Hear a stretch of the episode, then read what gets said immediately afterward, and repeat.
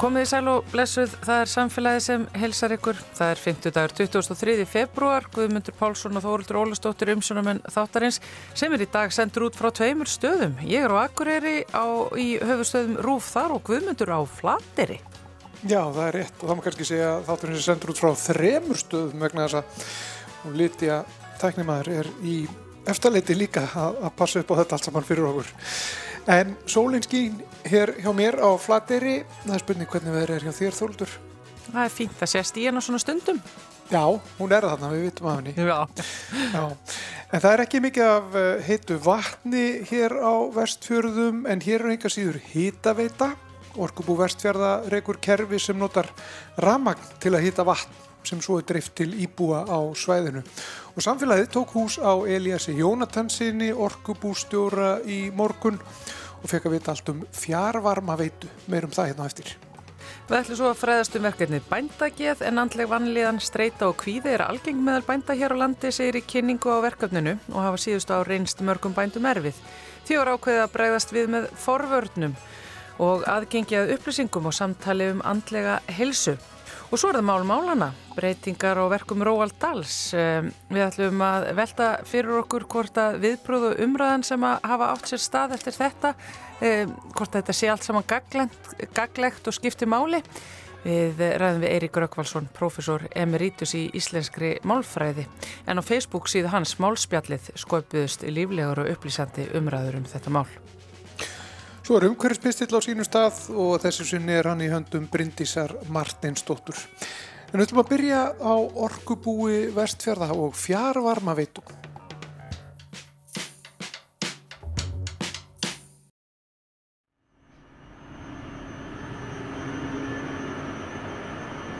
Ég er komin inn á Ísafjörð og er hér uh, í kindistöð fyrir fjárvarma veitu Orkubús Vestfjara hér á Ísafjörði og þær eru nú fleiri sem að Orkubúi rekur slíkar stöðar hér er ekki heitt vatn í jörðu í miklu mæli þannig að, að hér er nota ramagn til þess að hýta vatn sem síðan er, er veitt inn á hýtaveitu til, til húsitunar og hér er Elias Jónatarsson, hann er orkubústjóri uh, Býttu nú við, hvar, hvar erum við stattir núna og af hverju þessi háaði þetta? Erðu, við erum stattir hérna bara í miðri kynntistöðinni og hér á bakvið mig er rafskautaketill upp á 10 megawatt sem í rauninni hýtar vatnið sem við sendum svo hérðan inn í húsin á Ísafjörði. Hljóðið sem þú heyrir, það eru ringrafsvadælurnar. Við erum bara með eitt miðlægt kerfi í rauninni og erum að dæla inn á alla opna á Ísafjörði hér á, í þessum hluta bæjarins. Já. Ég er ekki vissum við getið lagt á hlustendur að vera hérna í þessum háa það, þannig að við kannski Já, við færum okkur bara. færum okkur í það. Það eru fleiri, það eru fleiri salir hér. Uh, getur þú útskipt fyrir okkur bara svona í stuttum máli, tæknilega, hvernig þetta gengur fyrir sér sko, hér á, á þessum köldu svæðum sem eru hér. Já. Það reykir þið nefnilega hýtavitu. Þa, það er daldið áhugavert uh, og til þess nú deyramagn.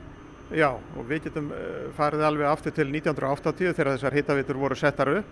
Það var vegna þess að það var til á þeim tíma nóg ramagn og það var ódýrt ramagn og, og við keiftum í rauninni á þeim tíma skerðanlega og gerum enn skerðanlega orku til þess að reka þessi kerfi.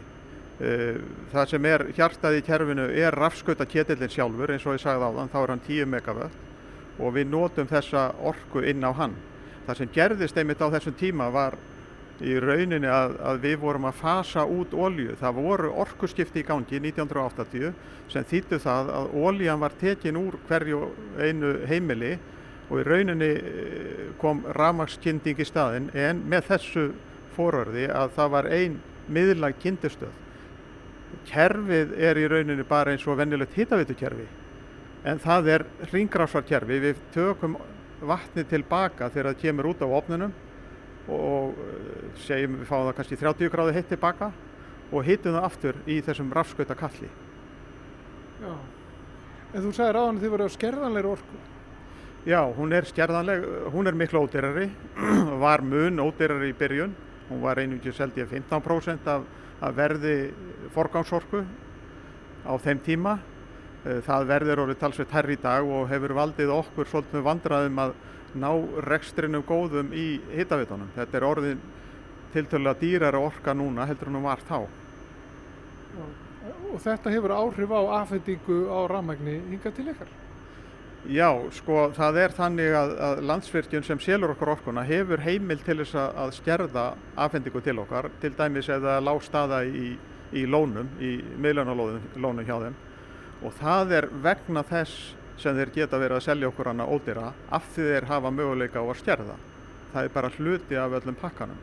Það hefur ekki gerst oft en það gerðist ní- eh, 2014 eh, síðast og svo aftur í, í fyrra veruleg skerðing og, og það var okkur dýrt í að við þurftum að keira hér í, í 50 daga líklega á olju vegna þess að við fengum ekki skerðanlega orku. Já, við förum kannski betur yfir þá tækni og eftir hvernig, hvernig hérna, vara aflið virkar hér.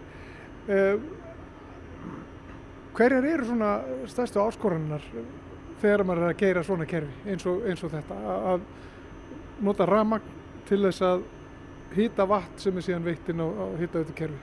Uh, áskorun er auðvitað bara að, að vera með uh, stóru og öflug tæki sem eru, sem eru hérna, rekstrar örug, getum við sagt. En, en uppistaðan í kerfinu sjálft hitavitu kerfið er alveg eins og aðrar hitavitur í rauninni.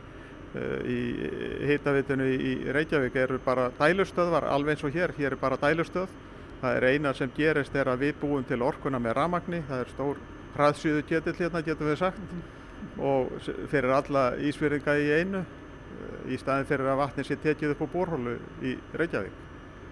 En það eru fleiri svona, svona stöðar hér eh, sem að þið reykið. Já, við erum í rauninu með tvær eh, stöðvar hérna á Ísafirði, ein er hérna út á Eyri og önnur inn í Firði.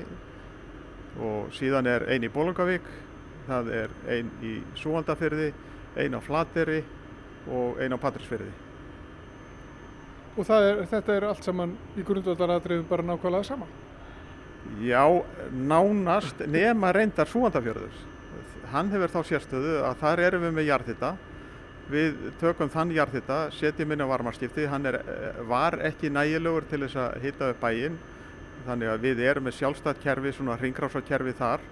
Við setjum jarðhitan ekki beint inn á kerfið, heldur hitum við upp vatn úr 60 gráðum upp í kannski 65-70 gráður og afhendum við, eh, eða 70 gráður og afhendum það á þeir heitastíði. Við skerpum aðeins á því með rafmagni. En það er mjög lítill hluti orkunar raforka í rauninni sem fer í vegna þess að við fyndum uh, jarðhitavatn. Það er jarðindi þar og það er bara alveg nýlega þá fannst tölvöld meira af, af, af heitu vatni þar eða ekki. Og það, kom það óvart eða, ég meina það var vita að það var eitthvað heitt vatn þarna en var þetta miklu meira en búist var við sem fannst þetta fyrir hvað, þremur árum eða? Já, nei það var í rauninni þannig að sérfræðingar voru alveg vissur um að það væri meira að finna af heitu vatni á, á Suðureyri eða í Súmandafyrði og að laugum og við boruðum þar og, og það reyndist vera raunin og við erum búin að finna sem sagt jarðhita þar sem dýr bæjarfélaginu vel og rúmlega það, getum tekið einhverja yðnaðarstarfsemi inn á jarðhita líka þess vegna. Þannig að það er mikil breyting og það, það mun alltaf verða minna og minna sem við notum uh, rafkyndingu þar í raunin til þess að skerpa á vatninu, sé ég fyrir mér. Vatni, heita vatni sem finnst þar er hægt að veita því eitthvað annað eða væri það stórmál? Já, það er stórmál. Við sjáum það ekki endilega fyrir okkur. Heldur sæjum við fyrir okkur að það kæmi einhver starfsemi á staðinn sem gæti nýtt sér þessa kosti og, og þá í rauninni styrt byggðalagið þannig í leiðinni, atvinnulega. Það hefur verið leitað hérna á, á fleiri stöðum, ekkert, ekkert fundist eða hvað, að neinu, í neinu magni eða Já, það var þannig að 2018 þá fórum við, fe- fengum við Ísor til liðs við okkur og þá tókum við bara þá ákvörðun, stefnumótandi ákvörðun að leita að jarðhita allstaðar þar sem væru rafkynntar hitavitur af því við sáum að verðið eh, fór hækkandi á þessari stjærðanlegu orku og við viljum gjarnast komast, komast út úr því í raunin að vera að nota rafmagn á, á hitaveitunar. Við viljum komast í jarðhita ef hann er til Við leituðum í Bólungavík, það fannst því miður ekki þar. Leituðum á Flateri, sama sagum, fundum ekki jarðhita. Leituðum á Suðureyru, fundum aukin jarðhita þar sem búið er að virkja, nýja hólu. Uh, Ísafjörður og Patrísfjörður eru eftir og það verður leitað þar í vor. Uh, Bæði á Ísafjörðu og á Patrísfjörði. Við gerum okkur vonur um að finna jafnvel full heitt vatn hérna í Tungudal og þá er þetta bara orðin jarðhitta veita eins og vennilegar uh, jarðhitta veitur. Ef það finnst uh, sem getur líka orðin niðurstaðan að það finnist bara 30 gráði heitt vatn eða eitthvað þess áttar, einhverjar volgrur. Ef það er í nægumagni þá myndum við setja á það uh, varmadælu og nýta inn á hittaveituna og þar með væri svona tveir treyðju farnir út af, af, af hérna, ramagni og það er það sama á Patrísfjörði við reiknum eða Ísor öllu heldur uh, reiknar með að þar sé jafnvel hægt að finna 30 gráði heitt vatn í nægilegu magni til þess að, að nota inn á uh, varmadælu og, og þá er því það gert á þeim stað. Já. Það er nú, það er nú hitt, 30 gráður, það verður nú hitt til þess að ef, ef, að- til að nota þessa tekni sem að felst í, í varmadælum. Já, það er verið að nota varmadælutækni til dæmis í Vestmannegjum til þess að kynna og þar eru menn að vinna með uh, lághitastíð einhverjar 8 gráður á, á jarðsjó. Þannig að uh, það er verið að nota þessa tækni og hún er notuð þetta mjög víða um heim. En eftir því sem hitastíð á orkugjáfanum er hærra og ef hann er í nægumagni því betri verður nýtingin og nýtnin á, á hérna, varmadælunni. Já. Ef að hér hefur bara verið farin svo leið að fara bara alveg í, í rafkynningu, Já. hvernig lítið dæmi það út? Já, það lítið þannig út og það var eiginlega, þú kemur eiginlega inn á það sem var eiginlega uh, ástæðan fyrir því að menn fóru einmitt þessa leið á sínu tíma. Að við erum með uppsett afli í, í rafkyntum hittaveitum og vesturum, svona 20 megawatt. Uh, við þurfum varafla bak við það því við höfum bara eina línu sem fæðir vesturði, vesturlíni, með ramagn. Á þessum tíma hefði þurft, ef menn ætlaði að setja 20 megawatt í, í beina rafhutun, þá hefur þurft að byggja upp varafl í díselvélum upp á 20 megawatt. Það er sem sagt tvöfalt meira heldur en uh, mjölkárvirkjun hjá orkubúinu. Uh, þá fórum menn þessa leið að því það var hægt að ná sér í, í ramag sem sagt skerðanlega orku á ódýru verði að byggja frekar varaflið í díselköllum sem er bara brota því að, að þurfa að byggja það upp í ráorku framleyslu með díselvél. Því að díselvélinn Við getum sagt að hún noti þrefalt meiri olju til þess að búa til jafn mikið, mikið varma afl eða uh, kyndi afl uh, og, og, og bara fjárvarmaveitan með, nei, eins og oljuketill með beitni einsbyttingu og olju í, í eldhólf. Og það var í rauninni ástæðan fyrir því að menn fóru þessa leið að uppbyggingin á varaaflinu sem er algjörlega nöysilega þú ert farin að hita hús eh, þá tókum við þessa ákverðun að fara og sætta sig frekar við það að þegar rafmagni færi þá skiptiður yfir olíukindingu og í venjulegu árferði er þetta bara hjá okkur ef við skoðum tölur eftir tíma þetta er kannski 3% af orkunni sem eru framleitt með uh, olíu inn á veiturnar þessari, þessu varafli 97% eru bara framleitt með skerðanlegri ráorku En við erum að klára vonandi að fasa þetta út. Ef við finnum jarvarma þá, þá förum við alveg úr ólíunni og það umhvað viljum við fara. Og hér eru þessi tankar, við erum akkurat inn í svona litlum sal þar sem eru tveir svona Já. tankar.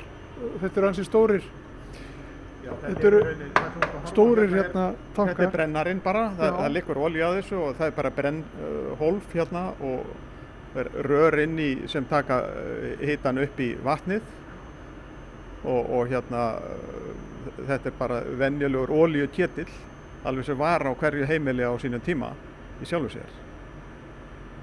Og það eru tveir svona, þetta dugir fyrir hluta af svæðinu og svo er eins og þú sagðir, það eru fleiri svona. Já, þetta dýr hérna fyrir Eirina, Skutulsfjörðar Eirina á Ísafjörði og Efri bæinn en svo er uh, sama system í rauninni inn í fyrði. Og hvenær kviknar á þessum köllum? það Hva, hvað gerist? Það kemur bara merki um leið og ramagn fyrir af raskautakallinu þá kemur bara merki frá tölvu sem segir ræs á, á, á ketilinn og hann fer í gang og, og tekur við. Eh, Notendur verð ekkit varir við það. Þeir eh, verð aldrei varir við neitt heima hjá sér nema heita vatni sem kemur bara í pípunni, sömu pípu áfram. Og hvernig gerist þetta síðast, veistu það? Það er öruglega innan við vikar síðan, sko. Já. Og kannski alveg mánuður, ég, ég man ekki alveg daginn. Það er, gerist bara við útslátt á, á vesturlínu, oft sko. Að, að hún er, eh, þýðir þá að við getum ekki verið að taka stjærðanlega orku inn á rafskautakalla. Að því við höfum ekki nægt varafl á svæðinu, ekki í rafmagni til þess að reka rafskautakallan. Svo skiptum við yfir á olíukalla. Hverju þurftu að breyta til þess að þið þyrftu ekki að nota þessa, þessa kalla og, og þyrftu ekki að vera á þessari skerðanlegu orku? Sko okkar, eh, okkar fyrsti valkostur er að reyna að komast yfir á jarvarma. Það er langt besti valkosturinn teljum við, þess vegna erum við að, að, leita að jarvarma. Nú ef við værum með, uh, hér á vesturum værum með nægilega öfluga virkjun til þess að halda uppi þessu kerfi, þá þyrfti uh, rafskautakallarnir í sjálfu sér ekkit að fara út þó að vesturlína væri úti. Ef við værum með nógu orkuframlýslu innan svæðis, þá myndum við klára það. Þannig að það er, það er svona verkefni núna að, að finna leiðir til þess að auka orkuöflun innan vestfjörða. Þið framleiðu orku hérna á svæðinu? Já, við, við erum að framleiða svona uh, 17 megawatt orkubúið eitthvað svo leiðis og með bændavirkjunum sem við köllum er þetta eitthvað nála 20 megawattum en aflið sem við þurfum á köldum vetradegi er svona 46 megawatt. Þannig að við þurfum að, að bæta dálítið í og, og hérna í þessa orkuframljóslu innan svæðis. Þessi jarðhittaleit hjá okkur er, má segja að sé þáttur í því að þurfa ekki að virkja jafn mikið, við getum, getum orðað það þannig, því að með því að virkja jarðhittan þá þurfum við ekki að eiga til rávorku. Og við sjáum fram á ef við eh, fyndum jarðhitta hér á Ísafjörði og á Patræsfjörði þá gætum við verið að tala um að, að minka rávorku notkununa kannski um 12 megawatt og við segjum stundum að þetta sé fljótteknasta virkjunin á vesturðum, það sé að finna bara jarðhitta og nýta hann frekar en rávorkuna en það er bara hluti á lausninni Já. mm. Hver, hversu miklar vonir bindið þá við það að, að finna jarðhita og það sé nægur jarðhiti? Er það, sko, það, það hefur eitthvað verið kannað áður, vantanlega, sko, hva, hva, hvaða möguleikar eru til staðar? Það er gott þú spurður ekki á hverja væri líkurnar af því þú sagði bara vonir. Vonirnar eru auðvitað miklar. Við vonumst til þess að finna jarðhitta og það er nægilegt til þess að stjórn orkubúsins hefur ákveðið að að leggja í þetta verkefni. Og, og þetta er bara hluti af uh, loftslagsstefnu stjórnvalda að, að fasa út olju allstaðar þar sem það er hægt og, og leita að jarðhita þar sem það er hægt. Og, og að nýta hann fyrir rávorku er bara uh, mjög gott mál í öllu tilliti umhverfislegu líka. En hver eru líkunar? Já, ég myndi bara vísa þessari spurningu til Ísor. Þeir hafa ekki svarað mér, en þeir svara kannski þér. Einmitt. Uh, ein spurning svona að lokum, uh, Elias Jónatarsson, orkubústjóri, er alltaf svona reynd hérna, sko. Hér er verið að vinna með ólíu, þetta eru, eru ólíukatlar sem fara hér í gang mörgu sinnum á ári og það er hægt að, sko, ég veit ekki, við getum borðað bara háteismatinn okkar hérna á gólfinu. Já, ég ætla nú bara... Við ætlum ekki að gera það, en við Þetta, getum það. þetta er stjettin, sko, fagstjettin vélstjórar, hún er svona á vinnustaf. Það er bara þannig að það er alltaf reynd í kringum þá ef þú ferð í vélarúm í skipi eða vélarúm í landi eða, eða kynntistöðar, þá er, hafa þeir bara svona í kringum sig. Þetta er, það er ekki bara því þeir séu svona opbóðslega snirtilegir, þeir sjá nefnilega bílanir um leið og þær gerast ef þetta er svona. Og það er, það er grundvallar atriði. Ef það fer að leka olíu þá sjá þeir það bara strax. Já, En þeir segju ekki að það væri allt hér vaðandi skít og. En hvað gerist núna? Hvað var að fara í gang? Eh, Þetta var eflaust bara eh, einhver ringarásadæla, heyrist mér. Heyrist það? Já. Það er gaman að fá að koma í heimsókn hérna og heimsækja ykkur hérna í orkubúi vestfjara, Elias. Takk þetta. Bara velkomin, komdu sem oftast, takk fyrir mig.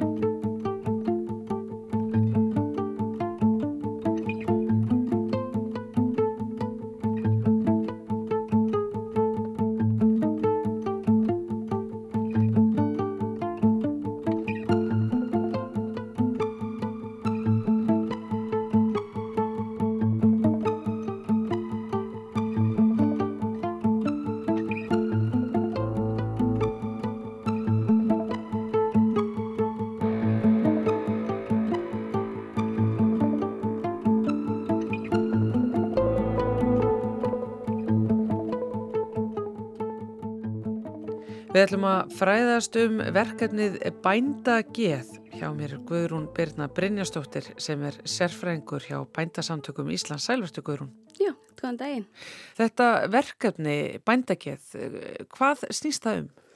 Það snýstur inn um það að hérna bændur uh, eru hvað svona geta verið frekar svona einangraðir í sínum störfum. Það er hérna kannski langt í næsta bæ eða, eða kannski eru störfin yfirþyrmandi eða eitthvað svoleiðis og það koma kannski upp veikindi eða áföll í, í fjölskyldum eða bara þinni eigin helsu og það þarf að vera einhvers konar fræðsla og aðgengi að efni fyrir þennan hóp. Líka bara til að styrkja hérna þá vitund sem að hvað er hægt að leita sér hjálpar og, og, og líka það að það þarf ekki alltaf að harka af sér. Það er, það er svolítið innprentað í, í þennan hópa að það þarf svolítið að vera harður og láta bara svolítið hlutin að ganga upp að því að þegar að hólminu komið þá er, er vinnan þín á heimilinu. Já. Þú kemst aldrei í burtu af vinnustanum nema bara kannski inn í íbúarhús en þá kannski horfur þau bara á, á, á kindurnar eða, eða hérna, gróðurhúsið eða, eða hvað svo sem þú ert að rækta og, og hérna, hlúa að að hérna, þú kemst aldrei í burtu. Þú, þú ert svolítið bara þar. Stiftaði ekki út. Nei, það er engil stimpilflukka hérna á, á bóndabæðum þessa land sko. Já, en Guðrúbjörna sko það að fara í svona átak til þess að bæta andlega heilsu heillar starfstjættar hvert, hvert er þá, sko, er eitthvað sérstakt tilefni eða og hefur þetta verið gert áður? Þetta hefur ekki verið gert áður að, að minnst okkusti fyrir, fyrir bændur þessa lands, ég bara þekki ekki til uh, í öðrum stjættum en það náttúrulega er vissulega þörf á því að hérna og hvet bara fyrirtæki og félagsamtöka að ráðast í, í, í slíkt og sambarilegt verkefni. Og, en að þetta byrjar allt hann að í fyrra þá var semst gerð álugtun á búgrunn og búnaðingi þar sem að sem stjórnsamtakana var kvött til þess að koma þessari vinnu af stað og úrverður þetta verkefni þar sem að við förum og finnum bændur sem eru tilbúinar að ræða uh, sína eigin reynslu Já. og tala um þetta út frá sínu, sínu eigin hjarta. Þú veist, það er verið að tala um sjálfsvík, þunglindi, uh, niðurskurð á fjö út af riðu, það er verið að tala um bara hvað gerir aðstandandi ef að, ef að hérna, það, það kemur eitthvað fyrir á bænum? Veist, það, er, það er verið að fara yfir, yfir sviðið og það er rauninni verið að veita bændum bjargráð og um það snýrist þessi álöktun og í það erum við komin í dag að geta í rauninni verið að veita bændum uh, fræðslefni inn á lokaðri síðu fyrir félagsmynd bændasamtakana þar sem að þeir getur rauninni hort á þetta verkefni eða hort á þessi myndbönd í þessu verkefni á sínum eigin tíma, á sínum eigin forsendum og þau þurfa ekki að ræða það við neitt, það þarf ekki endilega hérna, að vera með þetta á kaffistofunni, þú getur bara svolítið tekið þetta á þínum eigin forsendum. Já. En svo ef að þú ert tilbúin þá bara ferði og spjallar og sjálfsögur hvetju við til þess. En við erum bara, við viljum gera þetta þannig að þetta séu forsendum bóndans, Já. forsendum nótundans. Mér finnst fallegt að þið eru svolítið bara svona að sjá og, og viðurkenna sko vissar aðstæður sem að náttúrulega bændastjættin getur fundið sér í sem að getur leitt til andlegrar vanliðanar Þú ert að tala um náttúrulega þetta mikla álag í vinnu, uh, verkefni sem eru í raun endalust, þú stimplaði aldrei út, það er alveg sama hvort að þú ert í, í, í heimahjáðir eða í, í fjárhúsunum eða hvað það er, sko, þau blasa alltaf svolítið við.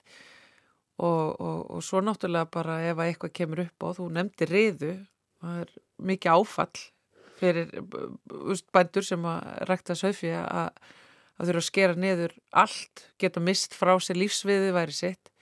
Og einangrunin, fólksvækunin í sveitinniðinni börn sem að vil ekki koma tilbaka það, Æ, það, er, það er bara, ég ekki tala alveg endalist endalist upp á hlutu sem að getur verið erfitt að taka stáfið og er kannski eitthvað sem að enginn er að mörgu leiti þessa stjætt Algjörlega og þetta er líka svolítið svona vitundavakning fyrir, bæði fyrir almenning að bekjana þessa, þessa stjætt að þarna, þarna er fólk sem að kannski stundum á í erfileikum og það kannski snýst í svona víðustu mynd, það snýst þetta bara um fæður ekki. Ef að bændur bregða búi þá er einum, einum framlegandanum ferra. Já. Þannig að veist, við þurfum svolítið að taka heilstætt á þessu máli og taka bændur og hérna, styrkja þá í, í því að leita sér hjálpar ef eitthvað er. Já. Það er í lægi að ringja í, í síma sem að bjóða upp á hjálparlínur og annað sem bjóða upp á aðstóð, píetasamtökin, rauðikrossin, allt þetta. Og það skiptir máli að þessar upplýsingar liggi fyrir og þetta sé raun hefur möguleiki í þinni stöðu Já. að því eins og, eins og segir að missa allt sitt vi, lífsviðværi bara hérna í niðurskurði vegna reyðu, þetta er gífilegt áfall Já. að uh, það komi hérna yfir einhvers konar sjúlað veður og, og gróðurhúsið þitt það bara leggst á hliðina eins og gerðist nú bara hérna fyrir eh, ekki svo löngu síðan að það var bara gróðurhús sem laðist á hliðina já, já. og fór bara hérna upp í Reykjóldi þannig að þú veist þetta það, það, það, það skeður ímislegt og dinur ímislegt á bændum og þess vegna viljum við fá hérna fólk með okkur í lið til þess að hérna að gera þetta verkefni og við höfum fengið styrki frá hérna bæði uh, vinnu markas og félagsmálaráðundinu, geðhjálp, landsbankanum og sjófá en við erum í rauninni að reyka þetta verkefni engung og styrkjum. Þannig að ef að þú ert með fyrirtæki sem hefur áhuga á því að styrkja þetta verkefni þá hveti ég eitthvað til að hafa samband við bændasamtökin. Af því að það er að næga að taka, við erum bara rétt að byrja og við viljum gera þetta vel og við viljum ná til sem flestra. Það skiptir máli. Algjörlega. Þú komst aðeins inn á það áðan Guðrumbyrna og, og þetta er svo sem eitthvað sem ég held að við þurfum líka náttúrulega svolítið að horfastu augu við að það einkennir eitt þessa stjætt og það er kannski svolítið svona harka eitthvað sjálfur sér. Uh, fólki í bændastætti kannski alltaf svona upp á lagt að setja undir þessu hausinn og, og vera ekki með hennan auðmingaskap og það er bannað að væla og það bara harka sig í gegnum allt og þú bara ferða handlegsbrotin í, í réttir og, og uh, veikur í, í söðburð og, og þú ferð alltaf í gróðurhúsið alveg sama hvernig líðanin er Þetta er bæði náttúrulega álega sem bara held að allur þorri almennings á Íslandi leggur á þessa stjætt en, en hún líka náttúrulega gerir miklar og hardar kröfur og kannski ósangjarnar til sjálfa sín. Þetta er svona, ég vil eitthvað sem er skadlegt að viðhalda innan stjættarinnar. Já, þetta er að sjálfsögur þetta skadleg menning ef þetta fer að hafa skadlegar vennjur, ef þetta fer að hafa áhrif á sko, hvernig þú hugsaður um sjálfa þig. Þú verður, þetta er eins og sagt er í flugvélunum, settu súrumnusgrímuna fyrst á þig og þú fer að hugsa um aðra. Það hugsaður enginn um þig nema þú sko. Já. Þannig að hérna, þetta er alveg rétt sem þú segir. Það er ákveðin harka sem hefur enginn þess að stjætt. Og með þessu verkefni erum við að reyna að sína fram á að það er í lægi að vera veikur. Það er í lægi að viðkenna það líka og það er svo sannalegi lægi að tala um það. Já. Og leita sér hjálpar. Leita sér hjálpar, Já, nákvæmlega. En svo með þessu verkefni og skoða þetta, bara komast yfir það að meiga finna alls konar. Leifa sér bara að finna. Þó þú sért hörkuduglugur bondi og bara með fullt, fullt í kringu þig, allt undir þér. Já, en sko þetta er svo, svo áhugavert nefnilega að þú, þú ferð aldrei af vinnustanum þannig að verkefnin býða bara já, já. þannig að ef þú ert veikur þá þartu oft bara svolítið að harka af þér en það, það má samt ekki ganga yfir sko mörg þar sem það fer að koma niður og sjálfum þér til lengri tíma. Gleimi því náttúrulega ekki, andlega sjúkdómur eru náttúrulega oft því miður lífsættulegir sko. þannig að það, er, það þarf svo mikið að staldra við og hugsa þetta og passa þetta. Það er bara hverju orði sannara. Þetta er afskaplega aðteklisvert að heyra af þessu Guðrúmbyrjirna. Þetta er þá fyrir þessa góðu stjætt okkar, undirstöðu atvinnugreinina okkar, eh, bændurnar, að eh, kíkja á og skoða, fara og, og, og kynna sér eh, þessi myndbönd sem að þið hafið gert aðgengjuleg fyrir félagsfólk og, og einmitt kannski taka umræðuna og stiðja og klappa hvort öðru svolítið, leifa sér að vera bæði duglegur en líka mennskur. Algjörlega, það er nákvæmlega það, hittir naglanu höfuð. Guðrum Byrna Brynastóttir, eh, sérfræðingur hjá Bændasamtökum Íslands. Takk hella fyrir að koma og segja okkur frá þessu. Takk fyrir mig.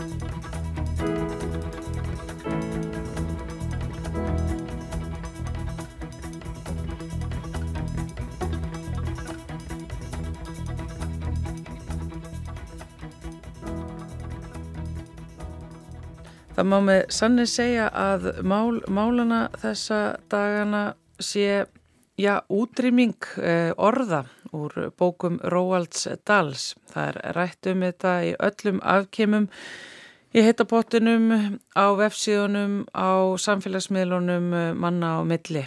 Eh, þetta er eh, eitthvað sem að allir hafa einhverjar skoðanir á og Og við hefum fengið hérna til okkar Eirík Rökkvalsson sem er náttúrulega eitt þeirra sem hefur skoðun á þessu og uh, kallað eftir alls konar uh, viðhorfum gagvart þessu máli á síðu sinni málspjallinu og uh, það kom svona eitt og annaði ljós þegar þú ljáðir máls á þessu, ekki satt Eiríkur?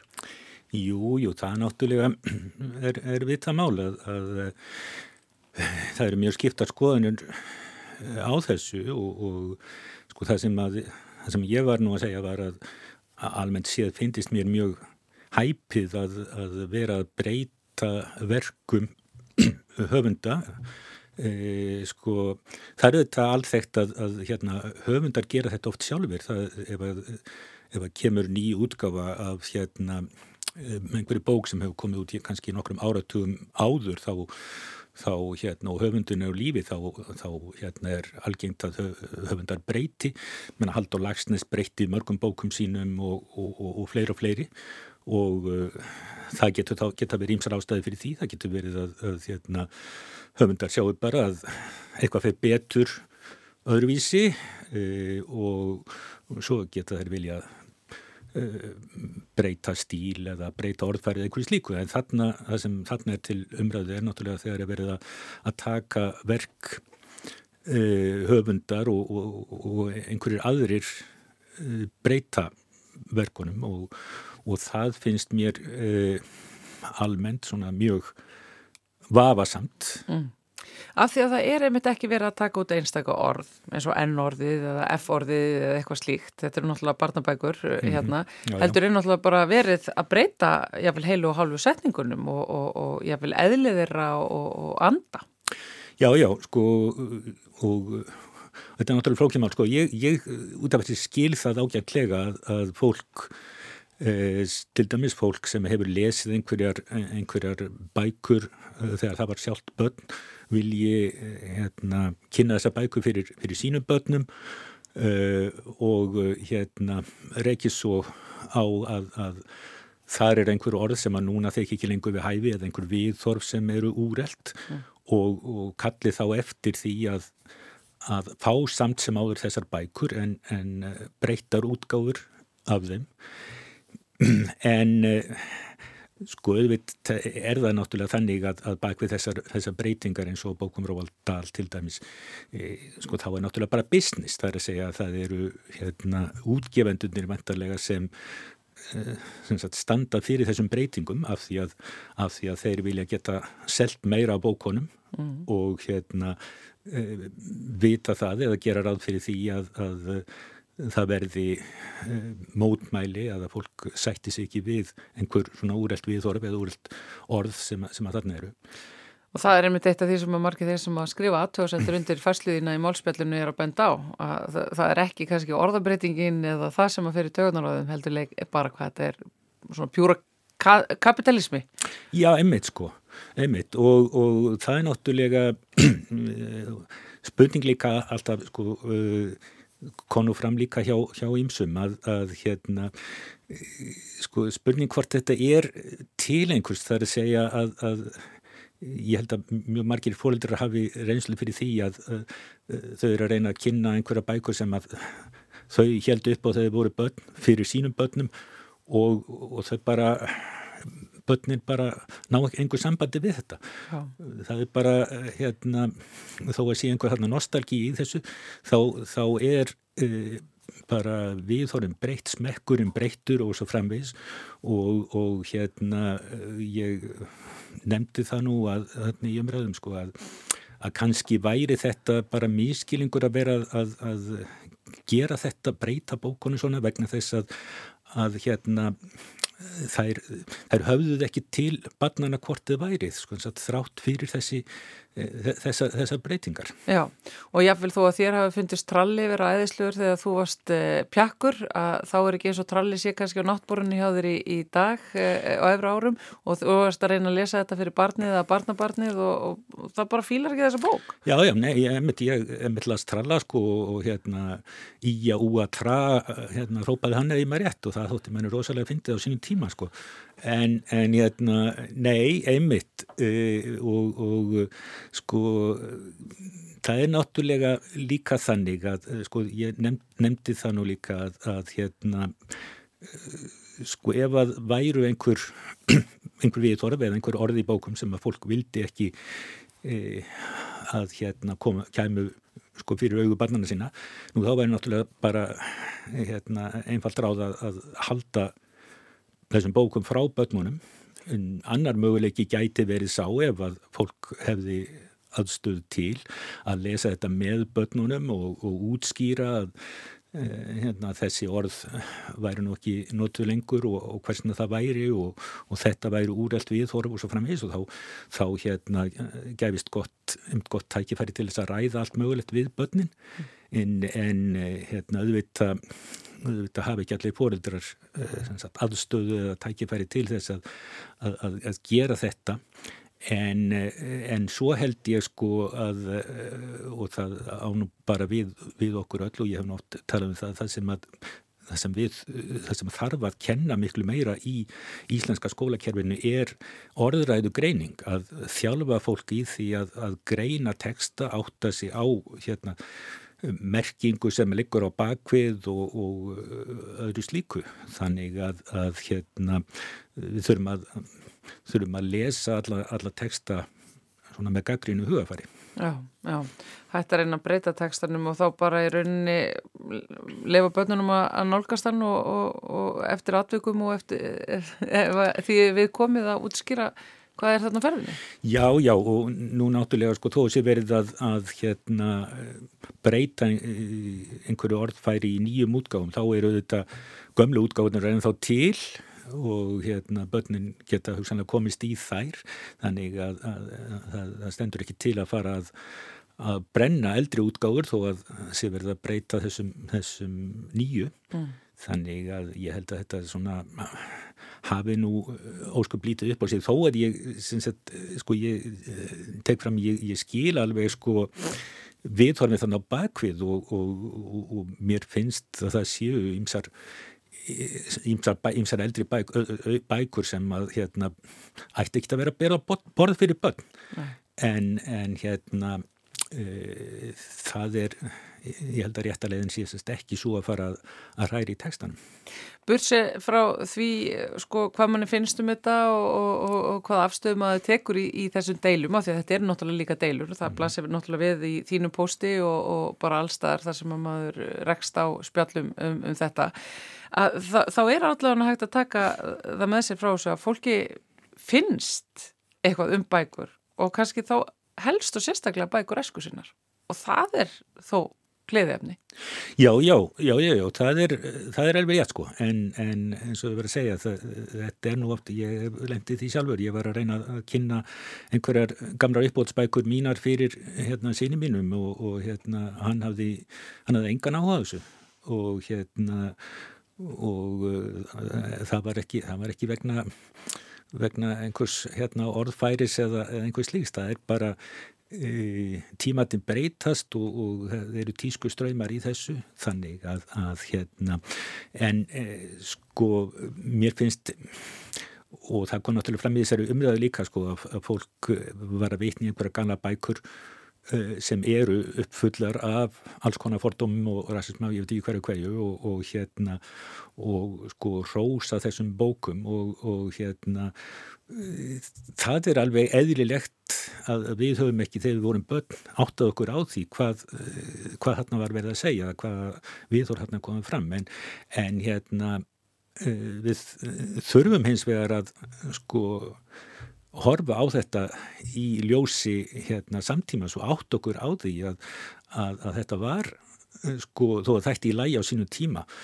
að þá eru bara hérna, við breytt, við meðum ekki fara í allt og mikla vörn fyrir þessar gömlu bækur eins og, eins og okkur hætti til að gera. Nei, en fara ekki og verja rassismann og fytufordómanna og, og, og kvennhatrið og já. allt þetta sem að byrtist náttúrulega í mikið af þessum bókum já, sem að fortíðar. Já, já, já sko bara eitt að lokum að þetta er náttúrulega er daldið svona mál-málana uh, hvað var það kannski í menningarumræðinu mm. núna og, og margir sem að draga stað þessu máli uh, finnst þér bara til dæmis eins og í þessu innleggi og aðtjóðsendurinn sem að koma í málspjallinu hjá þér og, og svona viðar annar staðar þar sem þú heyrti þetta eða sé þetta að þetta sé gagleg umræða að það sé gott hjá okkur að finna svona mikið um þetta og takast á og, og, og er þetta upplýsandi upplýsandi pælingar sem eru að koma fram í þessu öllu saman? Sko, umræðin er eða hún ætti að geta verið gagleg en vandin er náttúrulega sá að fólk eins og vil verða á í þessari samfélagsmiðlu umræðu fólk er svo fljótt að fara í einhverjar, einhverjar skotgrafir og hérna í staðin fyrir að, að, hérna, skoða málið og, og, og taka afstöðu svona út frá ímsum eh, sjónarmiðin sem koma fram þá, þá hérna stilli fólk sér upp og, og hérna sem e, annarkvort uh, anstæðingar allra, allra breytinga og eða hérna að segja að þetta sé alveg sjálfsagt mál og hérna Myna, þetta er ekkit einfalt mál. Þetta er, þetta er mjög flókið og, og, og það hérna mér, mér finnst það oft svona gleymast í þessu. Mm, Já. Þetta er flókið en það er allavega mjög skemmtilegt að velta þessu fyrir sér. Já, já, já, já og hérna það er alveg, alveg rétt sko. En sagt, mér finnst sagt, náttúrulega megin meinatrið það sko, það er ekki, það er ekki verið að hvetja til bóka brenna eða það er ekki verið að hvetja til þess að, að hérna e, sagt, einhverjir, einhverjir höfundar, einhverjum höfundum sé algjörlega útskúað eða eitthvað svoleiðis.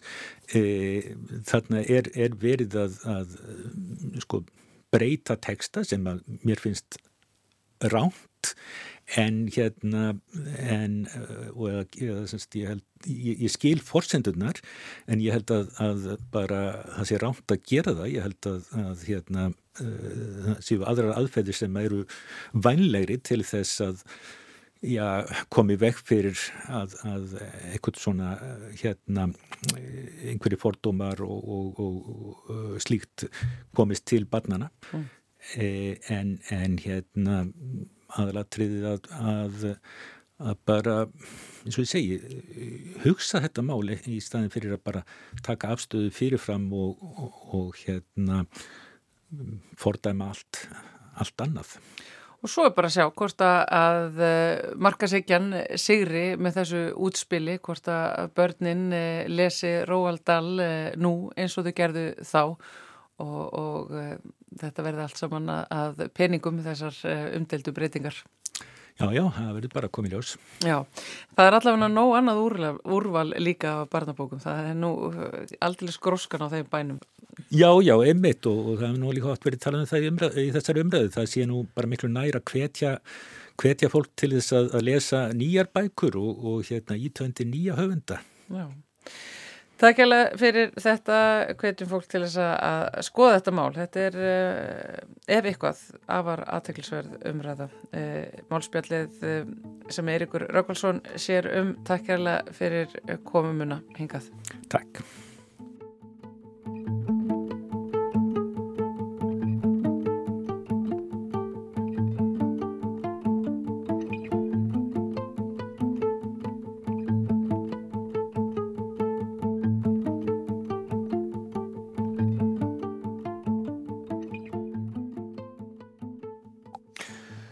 Höldum áfram með samfélagið og um, næst er komið umkörfispistli.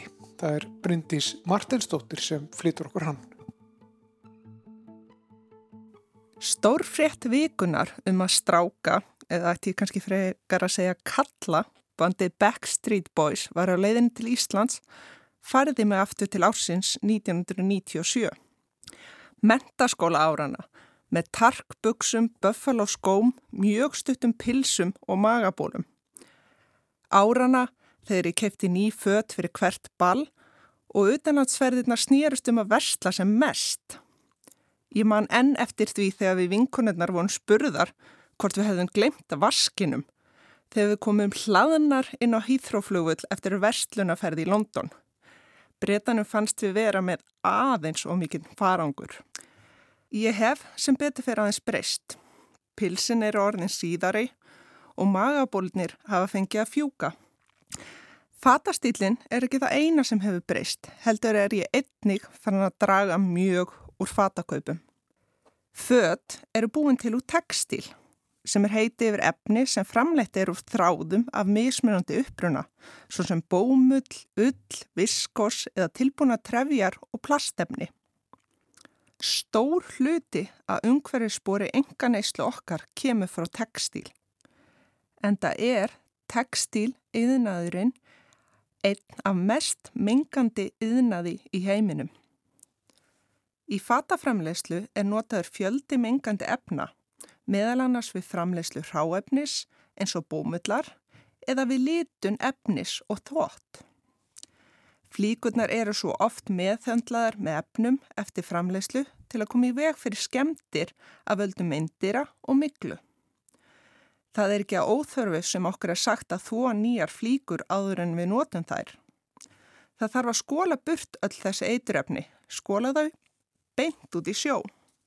Það er ekkit smá magna efnum sem er notað, Talið er að um fjórðungur allra kemiskra efna sem framleitt er í heiminum séu notuð í fataframleyslu. Fataiðnaðurinn krefst einni mjög mikillar vassnótkunnar en það þarf um 20.000 lítra vatni til að framleiða stuttarmabólinn og gallaböksurnar sem ég er í. Fataframleysla er einnig talin valda að minnst að kosti 8% að heildalósun okkar á gróðurhúsaloftegundum. En hvað til ráða? Við þurfum född. Það er að minnstakost ekki valkostur fyrir flest okkar að sleppa þeim. En það er ímislegt sem hægt er að gera til að draga úr þeim slæmu umhverjusáhrum sem fataframleysla hefur.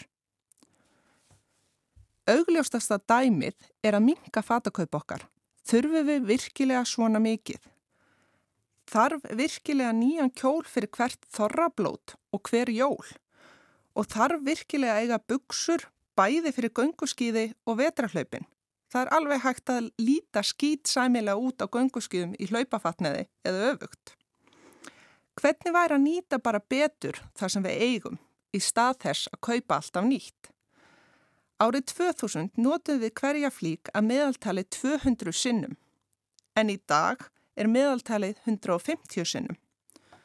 Ég er samt alveg alveg viss um að við eigum öll flíkur sem við höfum notað mun minna en þetta. Jafnvel bara einu sinni. Með því að fara betur með flíkurnar okkar og þvó það rétt getur við látið þær endast lengur. Ég er alveg uppið það að fara í seinföt á hverjum mótni og á satt að segja mjög erfitt með að venja mig af því. Þetta var skiljanlegt þegar ég var krakki en það hafði ég einstakt lag á því að skýta fötum mín út. Í dag er ég áriðin tölvert skarri. Þó að bytur reynslu síðan og yfirleitt alltaf með aukaból í veskinu ef ég fer í eitthvað kvítt. Þannig að í mörgum tilfellum ætti ég að geta nota flíkurnar oftar en einn dag. Mér finnst það samt erfitt. Vanin er svo sterkur. Við mættum líka vera duglegri við að gera við. Ég get lofað ykkur að það þarf ekki mikla saumahæfileika til að sauma saman lítið gat eða laga saumsprettu. Síðan, ef í harðbakkan slær, er alltaf hægt að fara með flíkina á saumastofu og láta fagfólk um verkið. Ef að viðgerðin klikkar ætti fyrsta stoppið að vera að versla með notaða flíkur. Hérlendis eru komnar margar verslanir sem selja notið född, allt frá hátísku fatabúðum til ódýra verslana á vegum hjálparsamtaka. Fataskapurinn minn í dag er að stórum hluta notaður, en það var ekki alltaf þannig. Það tók smá tíma að breyta nestluvennum hjá mér. En það gekk á endanum og ég komst yfir mína eigin fordoma gegn notuðum fötum. Ég man samt enn eftir því hvað mér fannst furðulegt þegar voru fataskipti dagar þar sem ég var í háskóla Erlendis.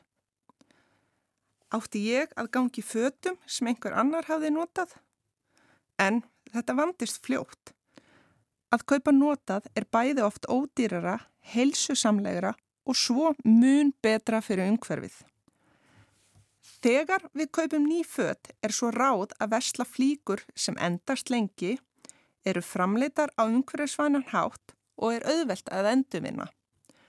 Því miður er þetta ekki alltaf auðvelt þar sem að það er mikill grænþvottur í fatageranum.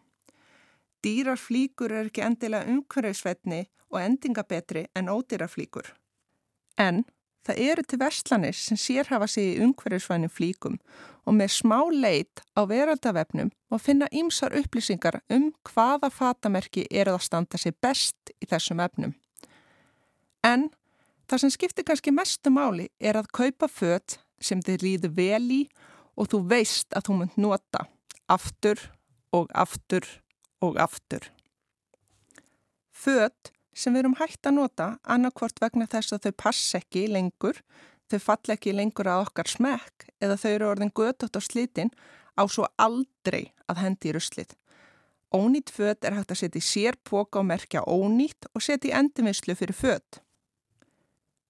En fött sem er í lægi með má annarkvort bjóða vinum og ættingum, selja á loppumarkaði eða gefa til góðgerðarmála. En ekki halda samt að þú getur samvenskulöfst keift fullt af fötum sem þú notar aldrei og grænt þegi þig með því að gefa notuð fötin til góðgerðarmála. Stór hluta af þeim fötum sem sapnast upp eru af svo litlum gæðum að þau enda lenda strax í urðun í því landi sem þau eru sendt til með tilheyrandi umhverfisvanda. Góðu fréttinnar eru svo þær að fatasóun Íslendinga hefur dreyist verulega saman á seinustu árum. Árið 2021 hendi hver íbúi að meðaltali 11,5 kg af textíl og skóm samanborið við 15 kg árið 2016. En á sama tíma eru född, skór og fylgihlutur vinsælasti vöruflokkur í netverslun Íslendinga og hárrað tísku fyrirtæki eins og séin hafa aldrei verið vinsætli. Hárrað tísku fyrirtæki framleiða gífilegt magn af flíkum og selja á ótrúlega lágu verði. Gæðin eru yfirleitt ekki mikil og flíkurnar jafnvel einnota en það gengur viðskiptalíkanið út á að selja okkur magn en ekki gæði. Neitandanum finnst það svo í lægi þar sem að verði var hvort sem svo látt. Helsti markkópurinn er kynsluð SETA sem eru einstaklingar fættir millir árana 1997 og 2012 og markasetningin fyrir fyrst og fremst fram á samfélagsmiðlum. Það er auðvelt að setja í hásæti og dæma unga fólki sem er að vestla En ég er samt alveg vissum að ef ég hefði haft aðgang að svona flíkum á mínu mentaskóla árum hefði ég verið á sama stað og fyrst til að falla fyrir markasetningunni. Bara verið allsæl með að hafa efna á magabólum í fleiri litum og eða tarkbuksur til skiptana. En ólíkt minni kynnslóð þá kaupir setakynnslóðin einnig mun meira á nótuðum fötum. Þannig að ég vona að hárað tískan sé bara tískubóla sem gangi fljótt yfir og fái ekki endurkomu líkt á ónefnd hljómsveit. Þegar ég endur upplifi mentaskóla árin á tónleikum í april ætla ég ekki að kaupa mig nýjan kjól eða pínupils og magaból. Heldur vera skinsum og nýta eitthvað fallegt sem ég á.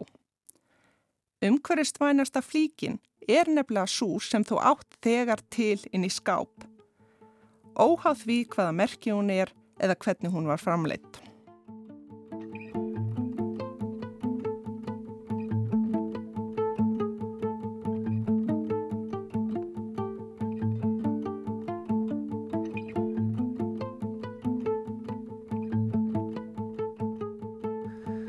Þetta var Bryndís Martinsdóttir með umhverfispistilinn sinn um, og uh, með því fer nú samfélaginu hér að ljúka sem að er uh, kemur frá þremur stöðum í dag hjá okkur guðmundur.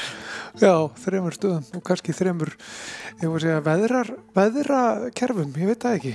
Hér glampandi sól hjá mér á flatteri, eins og ég sagði nú og montaði með það fyrir byrjun þáttar. Já. Er hún, er hún eitthvað að sína sig hérna? Já, já, hún er að sína sig. Það er meira blátt en hvít uh, hér á Akureyri. Uh, en gullt, er eitthvað gullt? hún glennir aðeins. þetta, er, þetta er allt eins og að vera í það minnsta hérna upp í hlýðafjalli. Ég já. held að séu allir á leðninga norður. Maður heyrir það allavega frá þeim sem hafa hætt sér út á gödunar. Aðkomi mm. fólkið er mætt til Akureyri, getur sagt þér guðmundur. Já, og skýðasvæðin er opina sjálfsögðu. Já, það er náttúrulega aðdraftarafli. Já, en við komumst ekki lengra í dag með samfélagið en ætlum að hafa sama háttin á á morgun. Það verður, við verðum hér á vestfjörðum og akkurýri og í efstaleiti á sama tíma, milli 1 og 2. Verðið sæl.